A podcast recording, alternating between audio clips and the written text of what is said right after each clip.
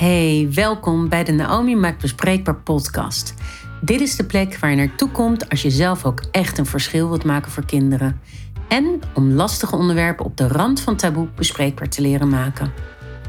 Je ontvangt simpele tools en tricks die je kan inzetten in je werk als professional. In bijvoorbeeld de zorg en welzijn, kinderopvang of onderwijs, maar ook in je dagelijks leven als ouder of verzorger. Ik ben Naomi Dessauer en mijn missie is een wereld waarin alle kinderen gezond en veilig kunnen opgroeien. Waarin ze ook echt alle kansen krijgen zich te ontwikkelen, kinderen kind kunnen zijn, een stem hebben, zich geliefd maar ook gesteund voelen. En wil je misschien meer weten? Nou, neem dan gerust eens een kijkje als ouder op naomimaakbespreekbaar.nl en als professional op dessauertrainingen.nl. Voor nu wens ik je ontzettend veel luisterplezier.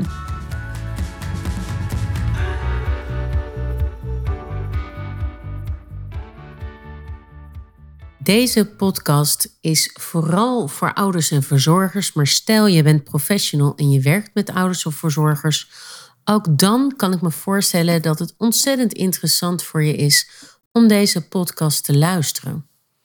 In deze podcast wil ik met je praten over wat nou als het niet makkelijk voor je is om te praten over seksualiteit.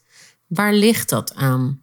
Nou, er zijn allemaal redenen of wat maakt dat ouders en verzorgers het echt lastig vinden om over seksualiteit te praten met hun kinderen. Laat ik ze even uh, brainstormen van wat voor dingen zouden daaraan ten grondslag liggen. Nou, twee die ik al meteen kan bedenken, en misschien kom ik er straks nog wel op meer, is dat je bijvoorbeeld uit een gezin komt. Nou, ik bedenk er trouwens al drie. Eén is wat als je uit een gezin komt waar zelf nooit gesproken is over seksualiteit. Dus dan hebben we het over de taboe die eromheen was.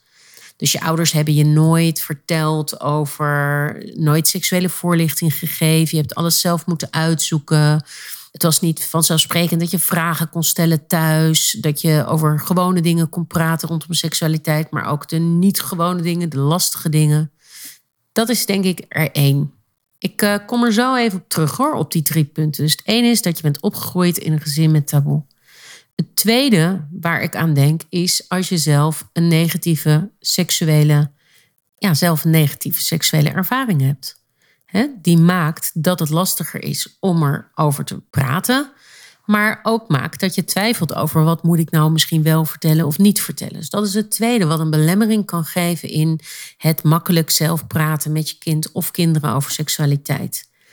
En de derde die uh, zo bij mij opkomt, is als je bijvoorbeeld een andere culturele achtergrond hebt hè, in de Nederlandse cultuur. Maar goed, over het algemeen, want er zijn ook Nederlandse uh, dorpen en, en gemeenschappen waar praten over seksualiteit echt not is of not was.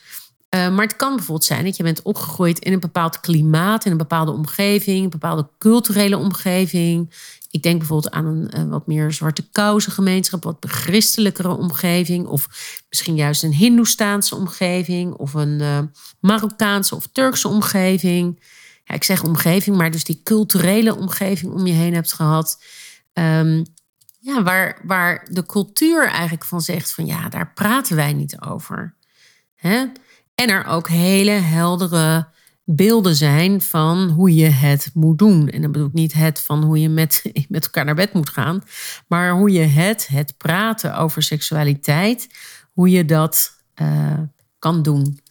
Dus drie dingen. De taboe, opgroeien met een taboe bij je ouders. Hè, dat je zelf dus opgroeit of bij een van de ouders uh, er niet makkelijk over gepraat werd. Tweede is een negatieve seksuele ervaring. En het derde is de culturele achtergrond. En die drie wil ik allemaal even langs. En ik ken mezelf, er komt vast nog iets in mijn hoofd op dat ik denk, oh, die, die moet ik ook nog aan denken. even voor degene die me leren kennen. Ik ben trouwens Naomi Dessauer. Ik, um, nou, ik heb mijn eigen trainingsbureau Dessauer Trainingen, maar ik heb ook een online platform voor ouders over praten met je kinderen over seksualiteit, voor ouders en voor verzorgers.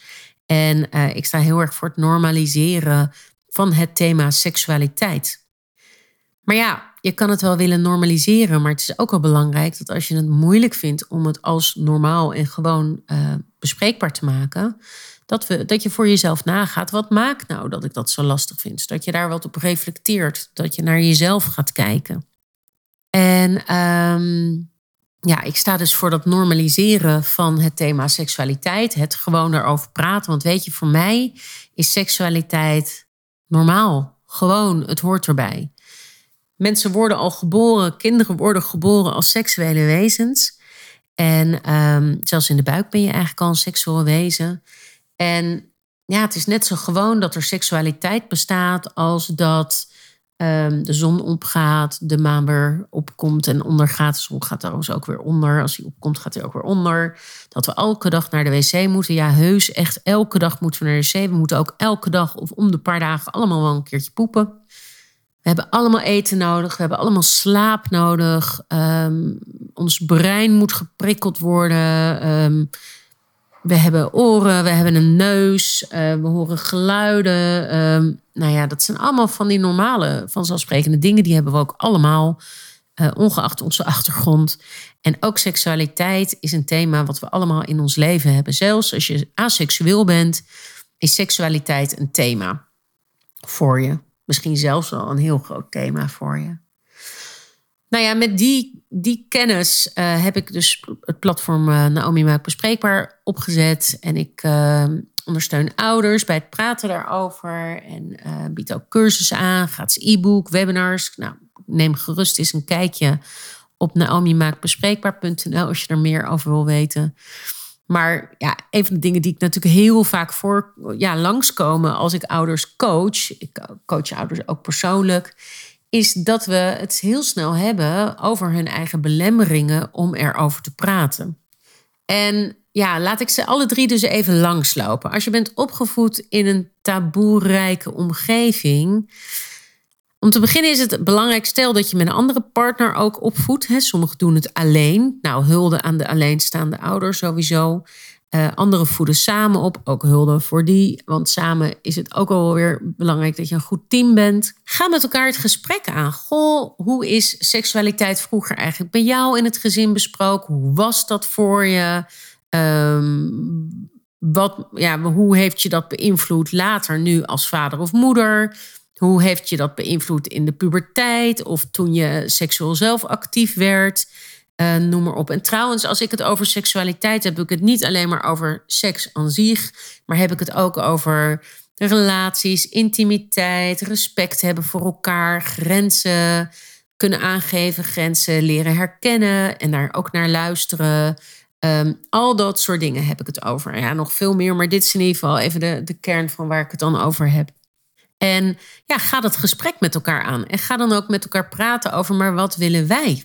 Ons kinderen of wat wil jij je kind daarin meegeven? Wil je dat je kind ook opgroeit in dat taboe of wil je dat je kind alle ruimte krijgt om vragen te stellen, om ehm, fijne dingen eromheen te bespreken, maar ook minder makkelijke dingen te bespreken, uh, twijfels te delen, dingen uit te zoeken? Wil je meegenomen worden in dat waar je kind mee bezig is?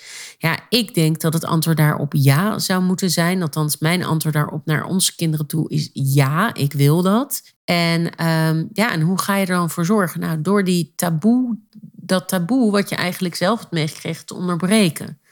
Dat kan je niet zomaar, daar heb je vaak hulp bij nodig. Dus laat me je daarbij helpen. En uh, nou, vraag op zijn minst een keer mijn e-book aan uh, 10 gouden tips om met je, praat, met je kind te praten over seksualiteit. Want dat is gewoon een heel makkelijk document. Uh, waarin ik je eigenlijk heel concreet aan de hand van allerlei voorbeelden meeneem in hoe doe je dat nou precies? En hoe grijp je bijvoorbeeld dagelijkse dingen aan om het erover te hebben? Ja, en ga ook eens bijvoorbeeld, stel dat je ouders er nog zijn, ga ook eens het gesprek met je ouders erover aan. Van ja, uh, wat maakte eigenlijk dat het zo'n taboe was? Of wat maakte eigenlijk dat jullie daar nooit over wilden spreken? Het is natuurlijk prachtig als het zou lukken om daar met elkaar over te praten. Maar je kunt een bewuste keuze maken in wat neem ik mee van vroeger en wat laat ik achter en wat geef ik door. Dus neem je de taboe mee van vroeger of laat je die achter en wat geef je door? En misschien waren er ook dingen uit je jeugd van hoe, hoe je ouders over bepaalde dingen spraken waarvan je denkt, ja, die wil ik wel heel graag doorgeven. En ook ouders of gezinnen waar geen taboe over was, kan je nog steeds op reflecteren en over nadenken van ja, hoe vond ik dat? Hoe was dat voor mij als kind? Heb ik ruimte gevoeld? Heb ik me beschermd gevoeld? Ehm, hoe was dat voor mij? De tweede laat ik heel even liggen, want daar heb ik denk ik het meeste over te zeggen. Maar de derde is de cultuur, die culturele achtergrond. Ja, dat is heel erg lastig. Ook als je in een culturele omgeving bent opgevoed waar bepaalde regels of wetgeving, of nou, wetgeving, dan klinkt het als de Nederlandse wet, maar ook sommige geloven hebben een bepaalde wetgeving. Um, ja, stel dat je bent opgevoed in waarin die regels heel erg werden gehanteerd en, en voor waar zijn aangenomen. En misschien hanteer jij die regels ook wel. Dan is het ook goed om daarnaar te kijken. Van ja, wat vind je daar nou eigenlijk van? En ook te bedenken van op welke manier wil ik zelf dat mijn kind opgroeit? Wat wil ik mijn kind hier zelf over meegeven? En dat kan best wel eens een dilemma opleveren. He, bijvoorbeeld het dilemma van ja, het geloof zegt je gaat niet uh, voordat je getrouwd bent, ga je niet met uh, iemand naar bed. Heb je geen seks. Maar misschien is jouw gevoel, ja, ik wil wel graag dat mijn kind weet hoe het werkt voordat hij de partner vindt van zijn of haar leven. Nou, het kan ook zijn dat je daar heel anders naar kijkt. Dat mag ook helemaal. Maar dat is wel goed om daarover na te denken. En het kan ook zijn dat een kind dus in een bepaald spagaat komt. En misschien heb jij dat als kind zelf ook wel ervaren als je zo bent opgegroeid. En het lastige is wel, en die wil ik je in ieder geval meegeven, is dat ook al zijn er bepaalde regels of bepaalde uitgesproken of onuitgesproken afspraken die jullie met elkaar hebben binnen een gemeenschap. En dat kan ook elke gemeenschap zijn, hè? een Nederlandse of niet-Nederlandse. Maakt me helemaal niet uit. Dat, dat, of een, in een dorp, of eh, eh, hangend aan een geloof, of aan een bepaalde manier van leven. Of ja, hè? Een, een gemeenschap, een community, een tribe. Uh, ja, dat kan van alles zijn. Maar bedenk wel dat even los van wat er in de cultuur speelt dat je ook een seksuele ontwikkeling hebt. Dus dat kinderen ook op een bepaalde leeftijd gewoon een bepaalde eh, hormoonhuishouding hebben. Of dat ze op bepaalde leeftijd bepaalde nieuwsgierigheid hebben naar bepaalde onderwerpen. En soms kan dus de, de gemiddelde seksuele ontwikkeling van kinderen, die ze standaard doormaken, over het algemeen bijna alle kinderen doormaken op bepaalde leeftijden. soms kunnen de leeftijden iets schelen omdat het ene kind wat eerder volwassen is dan het andere kind. Of noem maar op. Maar uiteindelijk maken bijna alle mensen een bepaalde seksuele ontwikkeling mee. Net als dat we op allerlei manieren ontwikkelingen meemaken. Ja, dat kan soms niet synchroon lopen met dat wat binnen je gemeenschap speelt. Het kan dus op ontzettend veel ja, spagaten opleveren. Zowel voor jou als ouder als voor je kind. Dus denk daarover na, maak daar een bepaalde keuze in. Ja, en ik wil je daarin meegeven van kijk ook wat goed voelt daarin voor jou. Dus, dus kijk wat goed voelt, wat je kunt, wat je wil. Kijk ook wat past bij je kind en wat past bij deze tijd misschien ook. Daar zitten ook normen en waarden aan vast en bepaalde, ja, cores, weet je, bepaalde echte, ja, die normen en waarden. Dat zijn eigenlijk een soort basis, basishouding, zou ik haast willen zeggen. En zelfs als je meegeeft aan je kind van, van binnen onze cultuur is het zo dat wij pas voor het eerst met iemand naar bed gaan op het moment dat we gaan trouwen, mag er dan wel van tevoren over gesproken worden. Mag het als thema wel aan bod komen? Mag je het daarover hebben? Stel nou dat je kind dat niet volhoudt. Moet hij daar dan in zijn eentje mee rond blijven lopen als hij 16 is? En een soort schaamtegevoel en op de biecht. En, en weet ik allemaal, weet ik veel allemaal wat er dan nodig is. Of mag, die, mag het een thema zijn en mag het aan bod komen? Die wil ik je ook meegeven. dus binnen heel veel culturen is het zo: we hebben het er niet over. Het bestaat niet. Het bestaat pas als je trouwt of als je met iemand bent. En uh, we hebben het er eigenlijk nooit over. Maar dan moet je dus alles zelf uitzoeken. Um, kan je dus nooit naar je ouders toe komen. En ben je ook eigenlijk niet zo beschermd. In die zin dat als er dus iets gebeurt met je lijf of in je leven waar je je zorgen over maakt of wat niet fijn voelt of waarvan belletjes gaan rinkelen van het is niet oké, dan kan je dus eigenlijk niet bij de mensen die het meest nabij zijn checken van um, is het nou oké of is dit niet oké? En de laatste, dus dit, dan wil ik uh, doorgaan eigenlijk naar de laatste. Dat zijn die negatieve seksuele ervaringen. Trouwens, positieve seksuele ervaringen beïnvloeden je natuurlijk ook. Alle seksuele ervaringen die je hebt, die, die dragen bij dat je bent zoals je bent. En die maken je zoals je bent. Die zorgen ook dat je er op een bepaalde manier over praat. Of er op een bepaalde manier uh, naar kijkt. Of mee bezig bent. En bijna iedereen heeft misschien wel ergens iets van een soort van negatief seksuele ervaring. Dat, dat kan. Um, maar wat ik zie in de praktijk, wat ik het meeste zie, wat het meest belemmerend is voor ouders en verzorgers om met hun kinderen te praten over seksualiteit, is als ze zelf seksueel geweld of seksueel misbruik hebben meegemaakt. Dat is een van de grootste belemmeringen. Ik heb zelfs een tijdje een moeder begeleid. Um, met ongelooflijk veel plezier kan ik je vertellen. Die zelf in de gedwongen prostitutie heeft gezeten. En die vertelde eigenlijk aan mij, dat was de reden ook waarom ze bij mij in coaching kwam. Ik vind het zo belangrijk door wat ik heb meegemaakt om mijn kinderen een seksuele opvoeding mee te geven. Ik weet hoe belangrijk het is om erover te praten. Sterker nog, als ik er meer over had gepraat, wellicht dat het dan ook anders was gelopen bij mij. Maar ik vind het zo moeilijk. Door haar eigen trauma's kon ze het gewoon niet. Dus uh, ze, en dat is ook logisch. Als je zelf getraumatiseerd bent, hele negatieve seksuele ervaringen hebt, dan kun je ook door vragen getriggerd raken. Kom je in je eigen herinneringen terecht.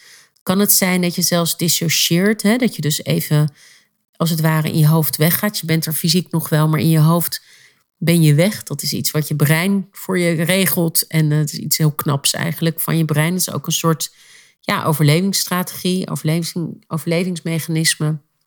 En ja, elke keer als er dus het, het onderwerp aan bod kwam, dan wilde ze eigenlijk keihard wegrennen, deze moeder. Maar ze besefte zich, ja, ik wil mijn kinderen hier heel belangrijk vind ik het om ze juist hier iets in mee te geven.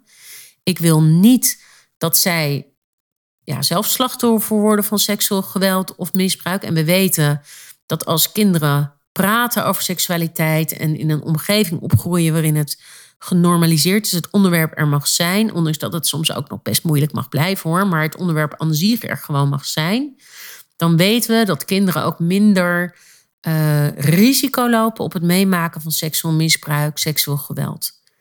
En laat ik even heel duidelijk maken, en dat ga ik vast nog heel veel vertellen in, in al deze podcasts, maar dat ook al ben je opgegroeid in een supergoede omgeving en een warm nest en in een, in een ja, omgeving waarin er gepraat mag worden over seksualiteit, dan nog kan het zijn dat je slachtoffer wordt van seksueel misbruik of seksueel geweld.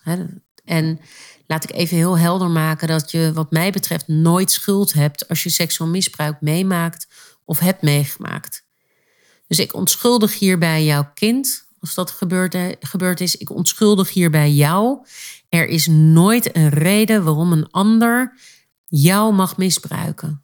Geweld, jouw geweld aan mag doen. Dat is er nooit. Die verantwoording ligt niet bij jou, die verantwoording ligt bij een ander.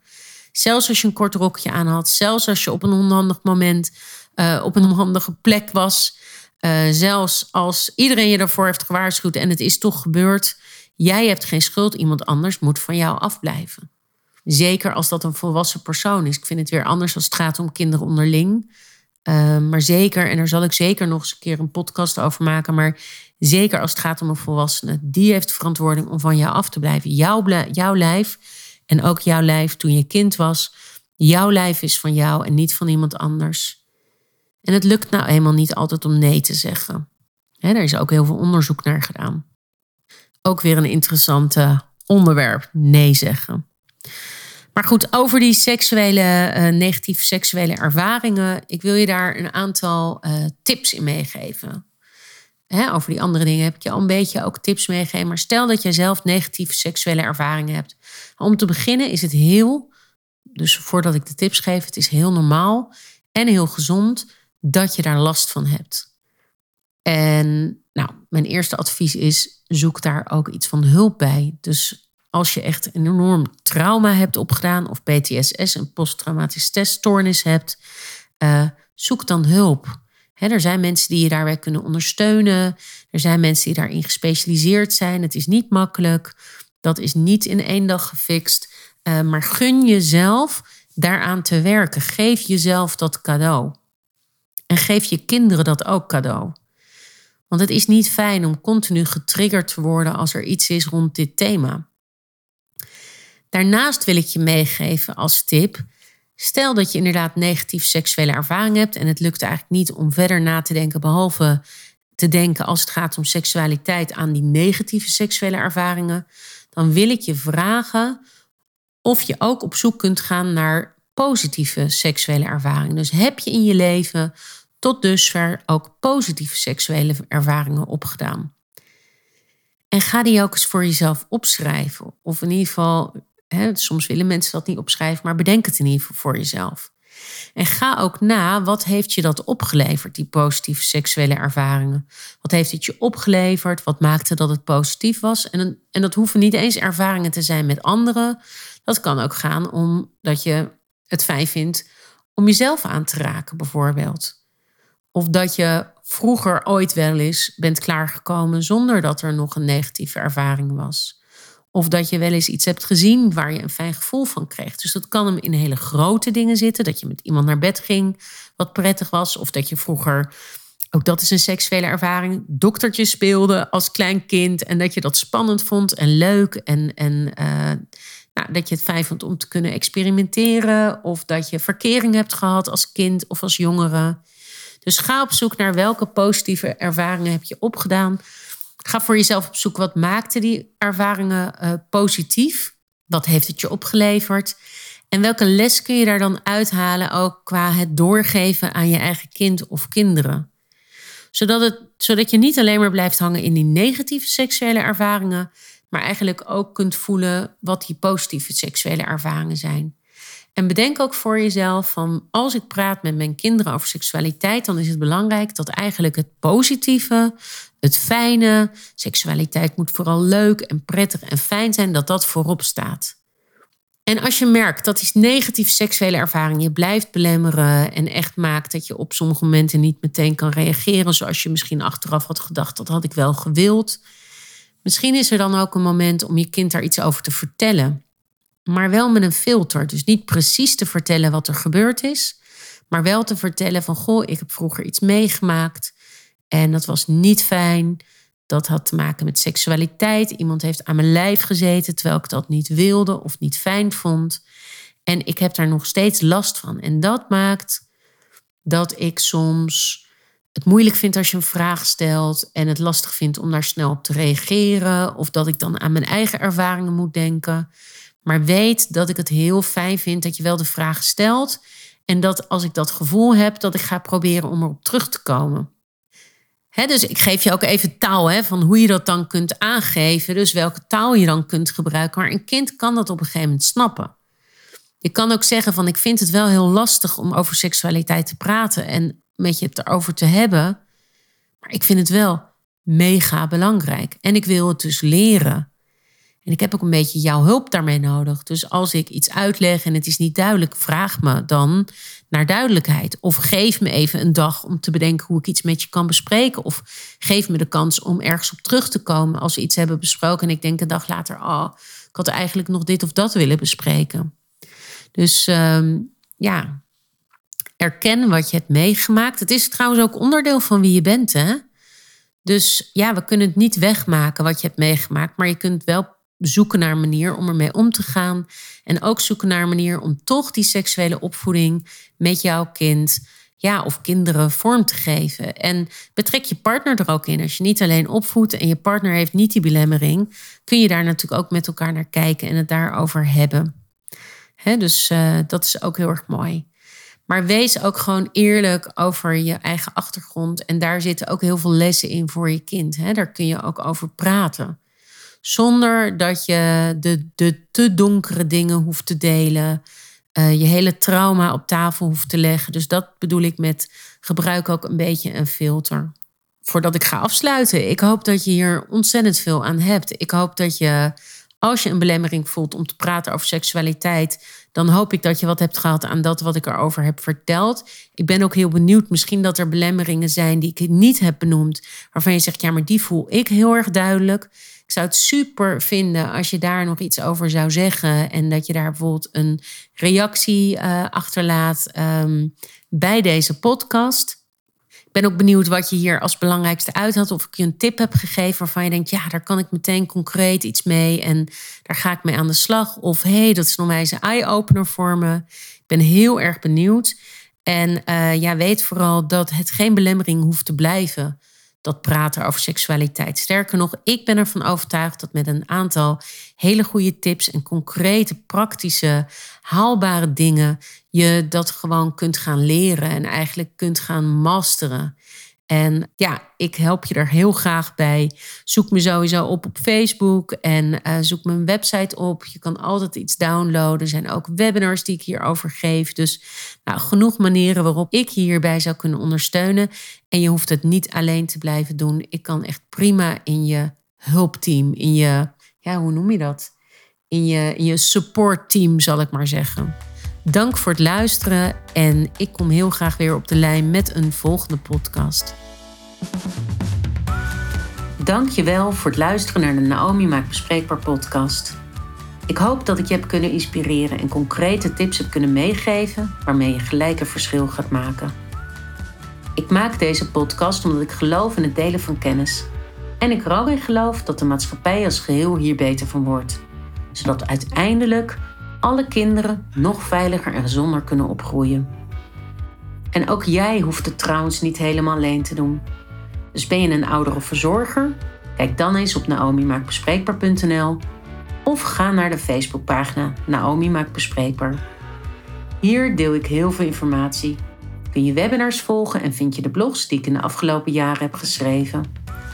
En ben jij misschien een professional Snuffel dan eens tussen het gratis aanbod op deshouwertrainingen.nl en download bijvoorbeeld een van de concrete tools die ik speciaal voor jou heb ontwikkeld. Doe er echt je voordeel mee. Ook zou ik het super tof vinden als je me laat weten wat je van deze aflevering vond en deze bijvoorbeeld deelt met mensen uit je omgeving. En ben je misschien benieuwd naar de volgende afleveringen? Abonneer je dan op deze podcast in je favoriete podcast-app. En luister je via iTunes? Laat dan ook een review achter. Zo maken we lastige onderwerpen nog meer bespreekbaar en kunnen andere mensen mij beter vinden. En voor nu wil ik je nog één vraag meegeven. Welk verschil ga jij vandaag maken?